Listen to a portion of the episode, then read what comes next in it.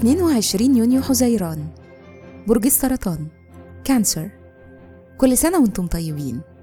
الصفات العامة للبرج الحنون الراعي الحاضن صاحب البصيرة المستشار والمدافع.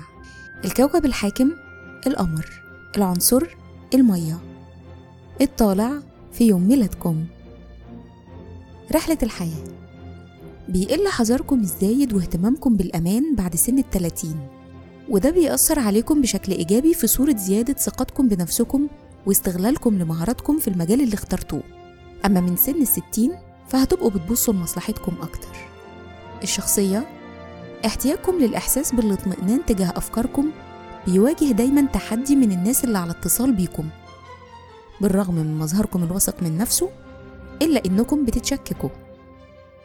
مهرة العمل طموحكم ممكن يخليكم تختاروا تشتغلوا في أي مشروع تختاروه وكمان تستغلوا قدراتكم في التنظيم والإدارة. أنتم ممكن تنجحوا كمان في مجالات الصناعة والتجارة والعقارات لكن خيالكم الواسع ممكن يوجهكم ناحية الشغل في حتة تانية خالص اللي هي التمثيل والفن والتصوير والموسيقى وصناعة الأفلام وكمان الديكور. تأثير رقم يوم الميلاد يوم 22 يونيو بيدل على إن عندكم كبرياء وعمليين وعندكم سرعة بديهة. في الحب والعلاقات أنتوا من الناس اللي مشاعرها دايما ثرية وعندكم حاسة سادسة قوية. بتحتاجوا شريك يقدر يفهم حساسيتكم ويشارككم أفكاركم ومبادئكم. بيشارككم في عيد ميلادكم السينمائي الإيراني الشهير عباس كياروستامي ميريل ستريب والكاتب الأمريكي دان براون. وكل سنة وأنتم طيبين.